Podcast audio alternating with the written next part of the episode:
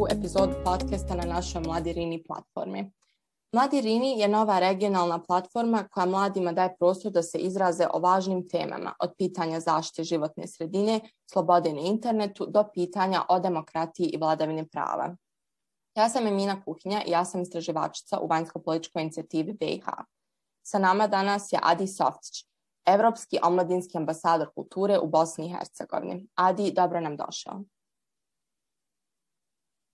Pozdrav Emina tebi i svakako svima koji prate aktivnosti vanjsko-političke inicijative. Adi je pored svoje uloge ambasadora još mnogo stvari. Između ostalog umjetnik, aktivista, konsultant. Ako bi morao izdvojiti samo jedan svoj uspjeh, koji bi to bio? Čime se to Adi najviše ponosi i zašto? Teško pitanje, ali pa reći ću malo možda i jednostavno. Naspram očekivanja ponosim se što sam i dalje ostao jedna sasvim u suštini normalna i privatno, čak možda i dosadna osoba, pored svih stvari koje si nabrojala. Sada i nekako uvijek kad me se predstavlja u emisijama, podcastima, nevažno, izdanjima, kad me se ne javljaju imam ošće da se priča o nekome drugom, tako da hvala ti prije svega na komplimentima i zaista eto, ponosim se tom činjenicom da sam pored svega ostao jedan sasvim normalan, pristojan sin, brat, momak, prijatelj, sve što ide u paketu onako s nama što smo privatno kad se i ugase kamere i sve ostalo jedna doista skromna izjava od osobe koja nosi sa sobom toliko mnogo uloga i koja se konstantno i pojavljuje u medijima i koju se često i pita za mišljenje. Pa kad već govorimo o tom mišljenju, ja bih nekako ovaj naš razgovor e, fokusirala na položaj mladih u našoj državi Bosni i Hercegovini, te prije svega kako ti komentarišeš taj njihov položaj, status unutar ovakve jedne države i kakvi su njihovi stavovi prema trenutnom stanju demokratije? Poprilično je dvojako, po mom mišljenju. I još jednom hvala na komplimentu. Istina je, često me se pita za mišljenje. Mislim, trudim se ostati skroman, jer skromnost po meni nije vrlina, nego je alat objektivnosti. Smatram da su mladi u jednu ruku dosta pasivni. E, stav kao takav je postao nešto degutantno za imati, što mi uopšte nije jasno kako i kada se desio taj prelaz, da nas je stid jasno i glasno reći. Ako imamo problem ili mislimo drugačije od defaulta koji nam je postavljen i predstavljen od strane društva, u jednu ruku i nametnut. Mada mislim da je i naša država toliko atrofirala da apsolutno više nema ni vremena da nam nameće mišljenje, Tako da smo za taj jedan divni demokratski alat da nam se kao kroz medije i stvari koje konzumiramo nameće stavi mišljenje amputirani i pušteni negdje sami da slobodno biramo, što je u suštini jedna jako super osobina i karakteristika super razvijenih demokratskih društava, što bosansko-hercegovačko i regionalno svakako još uvijek nisu. Mi smo negdje stuck in transition sve ovo vrijeme, ali mladi ne prihvataju priliku kao takvu i ne žele uopšte da razmišljaju o dnevno političkim temama i temama koje se njih tiču. Nekako je postalo sramota i bez veze razmišljati o politici i znati uopšte i recimo bazično stvari mena nekih političkih funkcionera i aktera na sceni. Više volimo da guramo stvari pod tepih i kad imamo stav, stav je tako generičan i uh, bezličan da se ja zaista bojim šta će se desiti kada ljudi naših godina Emina počnu i da li će uopšte početi izražavati ambicije ka bavljenju politikom kao takvom i ono što uspijem vidjeti i što viđam u stvari na političkoj sceni kada su mladi ljudi u pitanju su apsolutno uz dužno poštovanje promašene ličnosti koje su čisto tu da popune statistiku da postoji neko mlađi od 30 ili na da, granici da. onako 25 plus i da ispunjava funkciju nekoga ko diže ruku za određeni nametnuti stav. Međutim, ne možemo tu kriviti ni mlade ljude koji pristaju na takve, pa nazvaću ih aranžmanima, u najmanju ruku, zato što svi se negdje borimo onako kako znamo i umijemo, a to kako znamo i umijemo je povezano opet s našim obrazovnim sistemom i sistemom življenja kao takvim. Počeli smo se gubiti u svemu tome i meni je naših generacija i tek ovih generacija koje dolazi, kad 2000 godište i mlađe, s kojima eto, imam i često susrete kroz svoj aktivistički rad, žao suštinski, zato što rastemo u nenormalnom društvu i onda se uslovno rečeno i bretimo, da ne kažem drugačije, kad rodimo na zapad, da li na ekskurziju, da li na master studije ili turistički u nekom svom aranžmanu, kako društvo funkcionišu, kakav je mentalni skop ljudi i osjećamo se, što bi Sting rekao, Englishman in New York, bukvalno. I malo mi nas je žao, a u drugu ruku me je strah nas samih, ne toliko sistema, sistem će kad tada padne da se promijeni. Strah me onog trenutka kad sistem padne, ko će da ga preuzme i ko su to ljudi kojima ćemo mi odlučiti da vjerujemo, jer negdje je postalo sramota ako ste intelektualac, ako imate lijepo akademsko zvanje, dobar posao, da se počnete baviti politikom i ako ste još progresivni, imate stav, onda don't enter that hole nikako. I znam i svjerok sam dosta svojih prijatelja, poznanika, čak i rodbine koji su vrhunski intelektualci, ljudi koji bi znali povesti ovo društvo nekim drugim putem i staviti ga na drugačiji kolosijek, da apsolutno ne pomišljaju i govore im stvar tipa ni u najgorem ludilu svom egzistencijalno ne bih se bavila, bavio politikom, što me i razočarava. Jer mislim da svako ko je dovoljno stabilna ličnost može mijenjati ne čitav sistem, a onaj komadić u kom se odluči aktivirati, ako to radi časno i pošteno, i šta god ljudi mislili, pojavilo se i par dobrih, kvalitetnih, mladih ljudi proteklih izbora konkretno na sceni koji obećavaju, međutim prijeti im potpadanje pod klerofašističke politike koje su kod nas negdje postale normativno, no nisi, nisi ako nisi fašista, barem 2% svoje ličnosti. Um, spomenuo si jako lošu političku situaciju u državi, spomenuo si korupciju, uh, odlazak mladih, uh, tu veliku razliku između našeg i, hajmo reći, evropskog društva. Uh, mene zanima gdje ti tu vidiš neku pozitivnu, svijetlu tačku. Uh, da li smatraš da mi, pored svega toga, imamo potencijal među mladima da se oni uključuju u tu politiku? Mislim, evo sam si ti nekako skeptičan prema tome, ali da li postoji to i kroz koje mehanizme mi možemo ostvariti tu participaciju? Sigurno da postoji, evo sad ću malo i vaziti o biznisu ako smijem. E, aktivan sam proteklih godinu dana, odnosno moj primarni posao je vezan za asocijaciju biznis servis lidera u Bosni i Hercegovini. Bavimo se okupljanjem najjačih, odnosno svih kompanija već ove godine koje se bave biznis proces outsourcingom i poslovnim servisima kao takvim. Gdje smo prošle godine radili sa našim inostranim partnerima jedno veliko istraživanje i pisali naš prvi, a postaće već tradicionalan godišnji izvještaj o lokaciji i bazirali smo se na Bosni i Hercegovinu.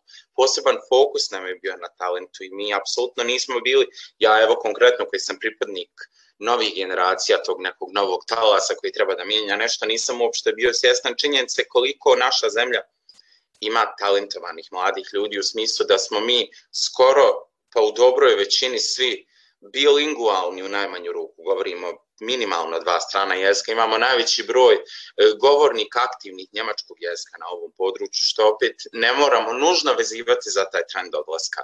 I dosta na stotine mladih ljudi je zaposleno u samoj industriji, na super pozicijama plaćeni su jako, jako dobro, s obzirom ako se prisjetimo situacija gdje su nam plaće, ako završiš fakultet pa imaš 500 maraka platu, ti si najsretniji čovjek na svijetu, eto te na konju, E, to su plaće koje sad idu i 4-5 puta više od ove pomenute u pojedinim branšama i mladi ljudi s kojima sam se susretao i kroz rad sam govori da ne bi htjeli da idu odavde. Žele da se politički aktiviraju u drugu ruku, tako da smatram da sve ovisi o kreiranju vlastite prilike ako smo se već dovoljno obrazovali, a obrazovani smo, eto, stalno smo svjeroci statistika da naš obrazovni sistem i nije baš najgori na svijetu. Živimo u eri skillsa, gdje nas niko ne pita šta si po zanimanju, već šta znaš da radiš.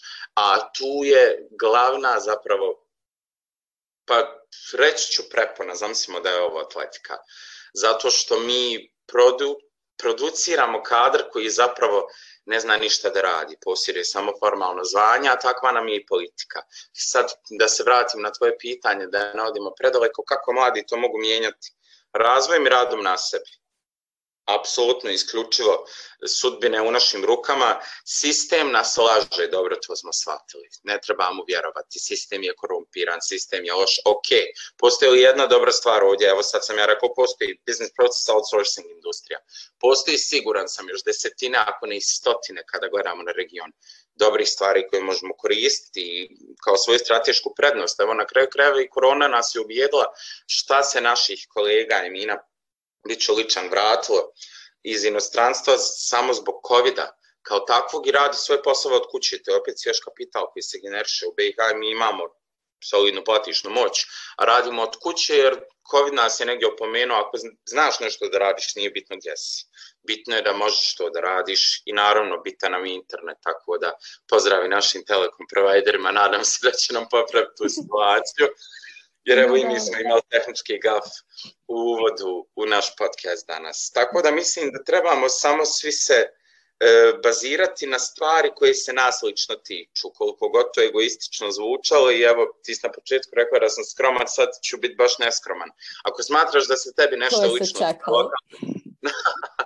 Ako smatraš da se tebi lično nešto u tvojoj lokalnoj zajednici ne dopada, zasuči rukavi i probaj promijeniti. Makar jedan milimetar, to je opet jedan milimetar više ka progresu nego tih, ne znam, 100 metara što smo zaostali za ostatkom svijeta ili kilometara. Ja sam ovdje sad optimista, čuj 100 metara. Ali smatram da je do nas, sigurno. I volim vidjeti recimo u medijima naslove gdje je podcrtano piše do nas je. To me uvijek fascinira, jer zaista jeste do nas je. Mi smo krivi, no, mi smo... Absolutno mi smo do duše, kad govorimo o Bosni i Hercegovini, nećemo biti toliko negativni. Mina. Protekli lokalni izbor su nam pokazali da ipak mlađe generacije koji su dobile glasačko pravo znaju jako objektivno da rasuđuju koliko toliko i da biraju pa u većini slučajeva najbolje od onog što je ponuđeno. Sad smo došli na tu prekretnicu gdje trebamo ono što nam se nudi, unaprijeti. Evo ja sam čak možda i spreman da se u nekim svojim 30. godinama, to nije daleko, eto sad iz ove perspektive pet godina imam, daleko. da se aktivno uključim u politički život. Ako narod bude smatrao da ja mogu doprinijeti nekoj promjeni, jer s ponosom mogu reći da sam promijenio kulturni narativ moje lokalne sredine, baviti se kulturom, postavljajući nove standarde, dižući sve za jedno 15 stepenica iznad Mislim, sad ću zaista zvučati neskromno, ali ne znam da postoji igdje jedna mala zajednica u našem regionu, da je neko ostao u njoj. Ok, porijeklom je, ne znam, kaže iz Pančeva, nebitno. Ja sam porijeklom i živim u Magloj, dospio sam do Newsweeka koji je broj jedan politički nedjeljnik u svijetu, do Madone, Vice.com je u Maglaj su dolazili, dolaze mediji iz Beograda, Zagreba da radi razgovore sa mnom o inicijativama koje ja radim da naprijedim kulturnu sliku svoje zajednice. Ne zato što smatram da je ovdje loše, nego jednostavno ako ne postoji sadržaj koji mojem senzibilitetu odgovara u iz kulture, ja ću da ga napravim. I često su me pitali zašto projekti koje sam radio i koje radim i nadam se da ću ih raditi nakon ove pandemije koštaju toliko, ne samo novčano, nego i mentalno mene i moj tim zato što ja uvijek želim više, želim bolje, želim jače i to me do sad i zdravstveno koštalo par puta, prije svega govorim o mentalnom zdravlju, da mene onda realnost vrati, reality slap se desi. I smatram zaista, evo, da ti ne dužim dalje odgovor, isključivo je do nas kako ćemo kreirati narative života u ovom regionu. Da, mislim, bit ću slobodna i reći da apsolutno dijelim mišljenje. Uh, I ono ka čemu sam ja zapravo išla sa ovim pitanjem jesu te pozitivne priče. Mislim, ti si jedan od brojnih mladih u našoj zemlji koji su, koji nisu oduste, ali koji su bili uporni koji su imali taj neki cilj ispred sebe i kako im su išli sve ovo vrijeme. E, spomenuo si tu modernizaciju e, koja evo, za vrijeme pandemije sve više i zauzima prostor u našoj zemlji. E, spominjao si lokalne inicijative, tu neko, to nekako mijenjanje svijesti među mladima, kako mladima naravno tako i starijim stanovništvom. I mi možemo da vidimo da tu postoje primjer pozitivne prakse gdje mladi zapravo mijenjaju svijet. E sad, vratila bih se malo na te tvoje lokalne inicijative i kad govorimo o svijetu, znači lokalnoj zajednici u kojoj mi živimo i ovdje hoću da se fokusiram sada na Bosnu i Hercegovinu, da, da sve ne bude tako crno ili sivo ili nekako monotono. Um, ja ne mogu da ne spomenem tvoj projekat X-Files, uh, Magla i kakvog smo voljeli. Znači, to je projekat koji se bavi digitalizacijom predmeta i fotografija iz privatnih zbirki Maglajlija širom svijeta, time naravno ispravu koliko griješim. I um, pogotovo, to je, znači, se desilo nakon poplava koji su zadesle Maglaj neka 2014. godine. Tako I uh, u sklopu tog projekta znači postoji izložba koja se odvija na godišnjem nivou, koja je bila dosta posjećena, a online platforma je po naravno novinskim člancima i tvoja izjava uh, premašla milion klikova. Koliko je zapravo ta online platforma omogućila dalji razvoj ovakvog projekta i koliko je uticalo na samu percepciju uh, kako prošlosti, tako sadašnjosti i budućnosti naše države? Biću krajnje iskren s tobom. Ja apsolutno sa svojim timom, kad smo se upustili u tu putešestiju zvanu X-Files, nisam očekivao ni blizu ishode kakvi su se desili u tri godine aktivnog postajanja izložbenog ciklusa i evo sad smo na prisilnoj dvogodišnjoj pauzi jer sam ja veoma čvrsto pomalo i agresivno odlučio prošle godine da sve rok ne mognemo primiti u izložbeni prostor hiljadu ljudi kao što je praksa, ne želim uopšte da radim nešto što će moći vidjeti grupe od po 30 ljudi, jer cilj naše izložbe mimo online platforme jeste ta sinergija među ljudima i prisjećanje na neka ljepša vremena i stvaranje ideja o nekoj boljoj budućnosti svakako. Mi smo zapravo htjeli da sačuvamo od nekih novih poplava, jer smo svi ostali trajno oštećeni PTSP-ovci od same poplave, neke zanimljive momente za koje javnost možda i nije znala jer nisu objavljene, ne znam, u službenim lokalnim novinama prije rata, ili nisu bile toliko zanimljive eksponirane, ne znam, mi smo upoznali potomke ljudi koji su iz Magleja, a bili su sudije evropskih prvenstava, obilazili olimpijske igre kao fanatici i bila nam želja da predstavimo svoje sugrađane kao pa zvijezde, da drugačije ne kažem, kao ljude koji su eto tu među nama rade velike stvari. I shvatili smo onda da je umagali na stotine takvih porodica i da zapravo svaka porodica u slučaju sreći ima po jednu svijetlu anegdotu koju ima da podijeli potkrepljenu fotografijom, predmetom kao što je spomenar koji je neka tada devetogodišnja djevojčica oslikavala, pisala i tu su upisi njenih drugova i drugarica koji su danas, što Merlin kaže, od Australije do Amerike.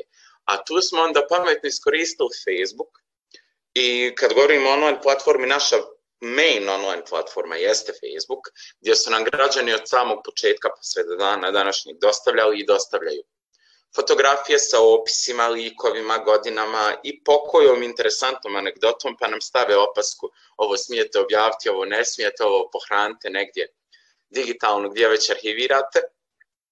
I naišli smo zaista na ovacije. To je premašalo nakon objave članka na vice.com za naš region. I onda nakon objave na Vice UK premašalo je milion klikova u nekoliko dana i, i dan danas to jako super funkcioniše. Objavili smo neke video snimke i dokumentarce IRT-a Maglaju koji su i danas živi viralno i vrte se što bi mi rekli. Na to sam jako ponosan. Dobili smo podršku i tek sam političku notu svega toga shvatio mi mirimo ljude. Maglajlije širom svijeta iz inostranstva putem fotografija politički, prisjećaju se jedan drugih, ponovo se uvezuju. Sad je nastala jedna super Facebook grupa, ima već 18.000 ljudi koji su porijeklom iz Maglaja po cijelom svijetu su i dijeli tako međusobno fotografije, anegdote, sad kako je COVID pitaju jedne za druge.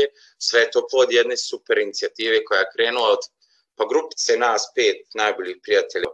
I Dobili smo na kraju podršku ljudi kao što je bivši predsjednik Hrvatske, profesor Ivo Josipović, koji nam je došao otvoriti izložbu posvećenu sretnim trenucima djetinstva u ratu, gdje smo se fokusirali na dokumentarni film gdje imamo tri tada djeteta, danas odrasla uspješna mlada čovjeka i sasvim slučajno tri različite nacionalnosti, apsolutno nismo gledali na taj moment, koji su pričali o svojim sretnim trenucima odrastanja u ratu i to je zvučalo negdje i samom profesoru Josipoviću surrealno, kao čuj postojalo je sreće u tom momentu i vas to zanima. I došao je, zaista moram istaknuti, pro bono, u Magla je dva dana radio političke radionce, odnosno demokratske, sa mladim ljudima, najtalentovanijim učenicima srednjih škola s područja Maglaja. I nakon toga smo imali jedan komercijalni izlet 2018. gdje smo radili projekat posvećen herojima i antiherojima jednog vremena u lokalnoj zajednici, portretirajući, rekonstruirajući neke fotografije iz prošlosti sa akterima danas. Gdje su ti ljudi danas? Gdje su ti naši silni profesori, doktori, ulični prodavači, novinari, urbane legende grada. Dobili smo onda podršku i ljudi kao što je Lepa Brena i Emir Hafizbegović i Goran Bregović u samoj realizaciji projekta. Imali su veze s Maglen, kretali su odavde sa našeg festivala ili su igrali ovdje svoje predstave. Tako da smo i tu dobili veliku medijsku pozornost, a ja sam negdje bio dovoljno oprezan da to ne privatizujem dovoljno, iako su svi počeli to vezivati uz moje ime. I za mene stoji uvijek jedan savršeno pripremljen tim ljudi i savršeno pripremljena strategija. Kada kažem savršeno, ne smatram to savršeno to je savršeno za naše kapacitete, da me sada slušalci ne počnu razapinjati da sam krenuo skromno, a postao egomanijak do kraja podcasta. Dakle, za naše okolnosti nešto savršeno i nešto na što smo mi preponosni i dan danas i fali nam evo već drugu godinu bez izložbe i bez samog projekta i jedva čekamo da krenemo raditi, da dođemo i do obaranja Guinnessovog rekorda što nam je cilj sa samom zbirkom i tako dalje. Međutim, opet vraćam se na priču kad mi kažu da ne može, sve može do nas je. Tako da, slobodno ti kreni na drugo pitanje, ako nastavimo Sex Filesom, mislim da će ovo potrati jedno dva sata. Da vidim da, da stvarno tu ima dosta toga za reći i um, tvoja sad rečenica vezana za, za taj tim koji stoji iza tebe. Um, prvo, znači, vidjeli smo koliko su mediji, to jest online platforme, doprinijele promociji tog projekta. Mislim, tu je se radilo o procesu pomirenja, o nekako vraćanju na neka zajednička sjećanja. E, privukli ste pažnju poznatih ličnosti. E, pokrenuli ste inicijative o te političke radionce koje je spomenuo. Um, koliki je zapravo odaziv mladih, koliko su oni zainteresovani za ovakvu vrstu aktivizma? Ali kad kažem ovakvu vrstu, mislim na online aktivizam, jer i sad za vrijeme pandemije svi smo više provodili na društvenim mrežama, um, čitali smo te medije. Koliko zapravo mladi reaguju na sve to? Iz našeg iskustva govoreći reaguju fantastično. Kod nas su 2018. bukvalno bile audicije za volontere na samom projektu, jer Sexfiles nekako pozicionirao. Imali smo super jedan koncept koji spaja primamljivost, faktor privlačnosti između svih generacija, gdje su mladi ljudi željeli da daju doprino zato što su, ne znam, znali imamo super after party posle samog događaja i samih sedam dana izložbe i postavke deset dana online, koji nam sponzorišu super, ne znam, kompanije kao što je, smijem zvučat komercijalno, Red Bull, Coca-Cola, a stariji ljudi su opet privučeni iz starije generacije time da, a vidiš, naša djeca ipak ne žele da mi budemo zaboravljeni. I tu je negdje formula samog uspjeha projekta i želje mladih da se bavi time. Moram i reći da i sama radionca sa profesorom Josipovićem, a poslije toga smo radili sa Savinom Čudić i Eminom Gančić, čak i sa Hanom Hadžavdađ, gdje smo naletili na ogromnu osuru javnosti, kako pored takvih velikana koje ste imali, dovodite nekog ko se bavi social media influencingom. Zapravo, javnost tada nije bila svjesna da će influenceri jako brzo poslije toga postati jedan od glavnih marketinških alata današnjice i ljudi koji formiraju mišljenje djece prije svega, a zatim i mladih ljudi. Svjedoci smo danas da nam se djeca edukuju uz baku praseta, tako da izvinite, ja samo čekam koji će univerzitet Bogdan Ilića pozvati da im ispriča kako se to uspjeva i zašto on radi stvari kako radi, jer od toga ne možemo pobjeći, a mi prečesto zatvaramo oči, znaš, kao influenceri su nešto regutantno, Bože, sačuvaj, a svi pa da, volim... jer društvo zapravo nije ni svjesno njihovog utjecaja na kraju dana. Kakav god ja... taj utjecaj bio i dalje, i dalje djeluje. Neminovan je i postoji, primjetan i osjetljiv je, a evo, iako živimo maglo i viđam djecu koja hodaju u merchandise duksercama pojedinih influencera, sada ih ne imenujem, ne promovišem, podcastu, nisu ništa platili, pa nećemo. A ljudi se pravi roditelji kao to nas ne dotiče, to su neke gluposti. nisu gluposti, sav audiovizualni sadržaj koji konzumiramo, pogotovo kad smo mali, znantno utiče, to je dokazano, nisam je ovdje nikakav čarobnjak tople vode, na to kako ćemo biti kad porastemo i smatram da je jako bitno i online sferu, eto sama se rekla, svi živimo online živote već godinama, proteklih godinu dana intenzivno, skoro pa 90% i posla i života je online. I na Netflixu, i na HBO, i na Zoomu, i na Skypeu, i na Facebooku, i LinkedInu, mislim, gdje sve ne, Microsoft Teams. Jako je bitno da jedni drugi osmjeravamo na neke dobre stvari, pozitivne stvari, od dokumentarnih filmova, filmova, igranog tipa, serija i tako dalje, a pogotovo djecu i da ih usmjeravamo da uče ih historiju kroz to i da uče što je najbitnije o samim sebi kroz sadržaje koji konzumiraju. I apropo online aktivizma, postali smo dosadni, nažalost. Govorim konkretno za naš region, toliko je više online webinara, seminara, edukacija, radionica, podcasta, vlogova, vlogova, da zaista samo najjači i najbolji opstaju.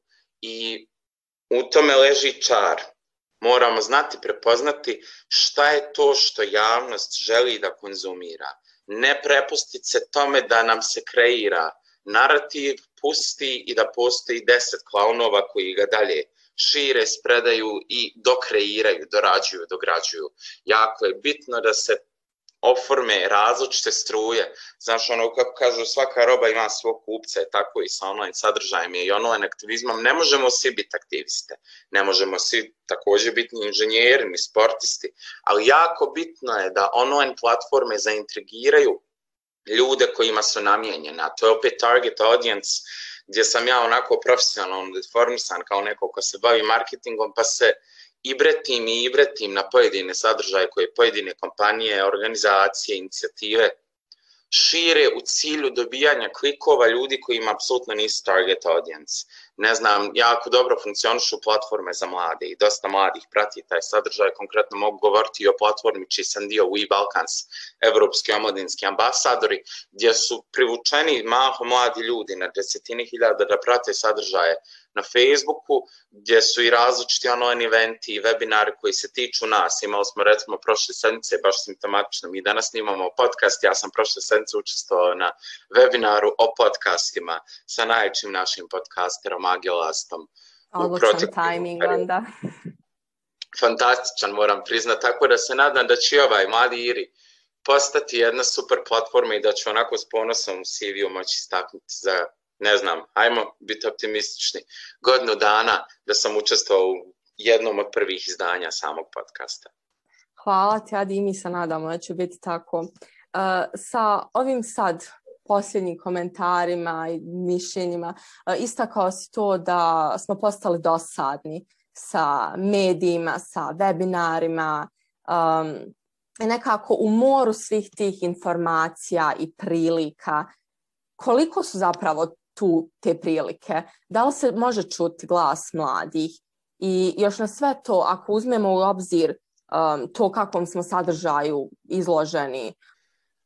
Iskren da budem, smatram da je prilika jako mala informacija i previše.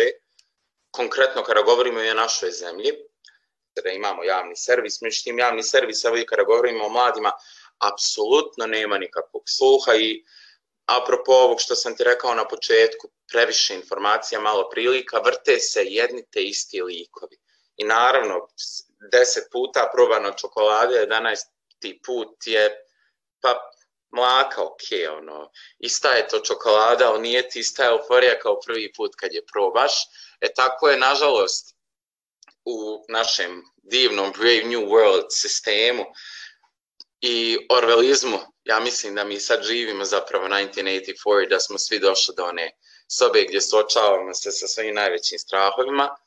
100% smo u nekom sto kjec trenutno, gdje se vrte isti likovi sa istom pričom, istim namjerama koje su opet s godinama se ispostavilo orijentisane ka samo promociji, profitu i negdje koji su isključivo tu da bi nešto prokomentarsali, a kad im pogledate CV, apsolutno ništa nisu sem to komentarsanja ni radilo, tako da su meni funkcije komentatora bez ikakvog argumentovanog zaleđa, u smislu zaleđa mojih zasluga, eh, to sam ja, zato sad smijem da ti kažem, to ti ne valja, apsolutno bespotrebne. Mislim, imamo političke analitičare koji se nikad nisu bavili politikom. Kako ti možeš suti o nečemu čim se nikad nisi konkretno, lično bavio? Ok, ja se susretao, čitao, sve to super, sve to po meni pasiva, aktive ti fali, ono, kad podvučemo tvoj bilans, ti si u aktivi nula, u pasivi si generso svašta nešto što je u suštini beskorisno. Tako i sa mladima mi imamo kao neke institute, organizacije, more njih, par hiljada, čak registrovano u Bosni i Hercegovini, koji se imaju jedan cilj, koji na kraju postane samo promotivna mašinerija koja je politički konotirana i alat je produžena ruka neke politike i tu su maho mladi ljudi koji će da nosaju glasačke listiće, budu u biračkim odborima, da vam pomognu da dobijete izbore, za uzvrat će do par stotina maraka, nažalost, ne par hiljada, da napravi neku sitnu inicijativu u svojoj mjesnoj zajednici, tu se priča završava. Nije se desio, eto, godinama i ovo nije nikako podilaženje vašem projektu projekat i inicijativa koji će promovisati mlade lidere, koji će im dati priliku da se čuje njihov glas i s tim sam još ponosniji što ste mene prepoznao kao jednog od takvih aktera i ljudi koji se ne boji otvorno govoriti, mada to puno košta u smislu prilika i svega što smo spominjali, međutim nikada neće se libiti otvorno govoriti o problema i anomalijama ovog društva, zato što naš pacijent više nije ni u stanju kliničke smrti. Naš pacijent koji mi zovemo državom je, nažalost, po pitanju mladih podlegao i to potvrđuje desetine hiljada zahtjeva za odlazak i u Njemačkoj i svim drugim ambasadama EU u Sarajevu i u samom regionu. I toga me je strah. Strah me da će ovdje ostati onaj zadnji talas ono dno kace, da drugačije ne kažem, koje će kao htjeti da rukovodi, da će ostati šaka nas, slobodno se identifikovati kao nas. I njih, iako je to kranje politički nekorektna podjela koji želimo dobro, koji želimo bolje i znamo raditi bolje, ali zbog toga što imamo, kako to ljudi voli karakterisati, dug jezik, nismo podobni da radimo određene funkcije koje su direktni zapravo šejperi, modifikatori, katalizatori promjene ovog društva. Tako da me u jednu ruku sve ovo vrijeme dok pričam stvarno strah. Ove teme pokušavam izbjeći onako privatno, bavim se lijepim pričama, lijepim kompanijama i stvarima. Sve dok ne izađem sa online meetinga na cestu pa vidim koliko je i mojih drugova iz škole nezaposleno, a završili su fakultete i znam koliko su kvalitetni. A opet tamo ljudi kojima smo mi pisali pismene zaraće sjede u organima izvršne vlasti. Stvarno me bude strah iskreno. O, mislim, ovo su bile dosta oštre kritike i mogu reći brutalne izjave o našem društvu i državi, ali nisi jedini i jako je tužno, um, pogotovo u zadnje vrijeme, sve češće i češće slušati upravo ovakvim stvarima, da nekako tonemo i zaboravljamo da postoje te pozitivne priče. Um, rekao si da, da često otvoreno i govoriš o ovakvim stvarima, a sada pogotovo ova tvoja uloga omladinskog ambasadora uh, nosi jednu jako veliku odgovornost. I također ovdje je bitno naglasiti i da postoje problemi koje često zanemarujemo. I jedan od tih problema jeste zapravo i ekološka osvješćenost. E, ja mislim da je to tema o kojoj jako malo govorimo, a nisam mogla da ne primijetim nekolicinu događaja koji su vezani za klimatske promjene i zelenu agendu u okviru tvog programa upravo. E, kako ti gledaš na taj interes i da li postoji uopšte osvješćenost e, o ovom problemu u Bosni i Hercegovini i da li smatraš da je uopšte moguće e, prioritizirati ovakav problem na ovom prostoru? Iskreno smatram da je moguće prioritizirati takav problem, pogotovo svake zime ja se blago postidim i zabrnem kada vidim da su gradovi poput Sarajeva i Zence najzagađeniji u Evropi, pa nekad statistički čak i u svijetu. Imamo mi zaista pomaka u smislu naše ekološke svijesti, pogotovo među mlađim generacijama. Ja se uvijek obradujem kad vidim recimo neke najbanalnije primjere kada mala djeca se igraju konkretno ispred moje zgrade gdje stanujem je mali parkić, tu redovno vidim grupu od desetak djece uzrasta između 6 i 12 godina koje za sobom počiste ako jedu neke grickalice, pogotovo plastiku i da to nose. Čak sam jednom bio mali, onako, prezuškivač spaj cijeloj situaciji, nose svoj plastični otpad, plastične ambalaže u kontejner namijenjen za plastičnu ambalažu. Tako da u tom smislu, u smislu ekološke osvještenosti, više nade polažem u mlađe generacije koje su sve više ekološki osvještene, upravo vrativši se na naš razgovor malo prije, radi sadržaja koji konzumiraju. I jako sam ponosan na to i ponosan sam i na naše generacije koje sve više govore o ekološkoj svijesti. Pušenje nam je postalo tako out. Plastične ambalaže takođe, svi se trudimo nositi i kad idemo u marketu često primijetim svakodnevnici cekere umjesto plastičnih ili papirnih vreća, što je super i multifunctional, multi-useful. Tako da smatram da uz adekvatnu podršku jedni drugima, pa onda tek vlasti i svega ovog što mi ne volimo da pričamo o tome, možemo napraviti super iskorake. Svakako treba se i kroz program Green Agende i same Evropske unije, ali i kroz samo uređenje lokalnih zajednica, pa onda kantona i entiteta i države, podstaknuti zapravo konkretna promjena i kada govorimo o industriji, da se uslove teški zagađivači, akteri teške industrije za postavljanje adekvatnih filtera, adekvatnog načina odlaganja otpadnih voda, teških fekalija, hemijskog otpada i da onda tek možemo početi pričati o nekoj jačoj, ozbiljnijoj ekološkoj svijesti, a i puno još trki za istrčati da bi došli do nekih konkretnih rezultata. Međutim, ne treba, možda sam u momentima rekao se zvučao i grubo i brutalno i kritikovao sistem, trebam uvijek biti fokusiran na pozitivne priče. Ne postoje samo loše organizacije, loše inicijative. Postoji opet na drugom tasu vage mnogo više dobrih stvari, međutim, evo, možda sam ja sad bio manifest pogrešne medijske reinterpretacije realnosti, zato što svjedoci smo da rijetko će kad pozitivna priča, pogotovo kod nas, ali i u svijetu je tako, pozitivna priča naići na ovacije i feedbacke, reakcije, koliko negativna. Tako da automatski mi stičemo dojam da je naše društvo loše, a uopšte nije, mi smo, eto, ponavljam, najtalentovanija radna snaga regiona za određene industrije i servise.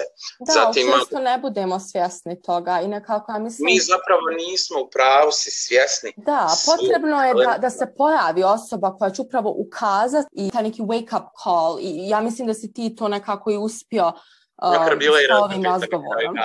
No, na stranu, ja se zaista nadam da me niko neće pogrešno protumačiti, mada se često dešava, jer negdje istina nam ne prija kad je čujemo onako ogoljenu, bez celofana, i da se neće niko pronaći uvrijeđeni prije svega, to da. želim da kažem, već da će iz ovog svega izvući konstruktivnu kritiku, mada medijski posmatrano proteklih dana mi baš još nismo načisto s pojmom konstruktivne kritike, pa naljećemo na činjenicu da ako je neko nekog osudio, mi automatski moramo da osudimo osobu koja je osuđivala, što je totalno pogrešan princip, međutim, mislim da je to cijena koju plaćaš kada pustiš javno svoj glas, tako da the show must go on.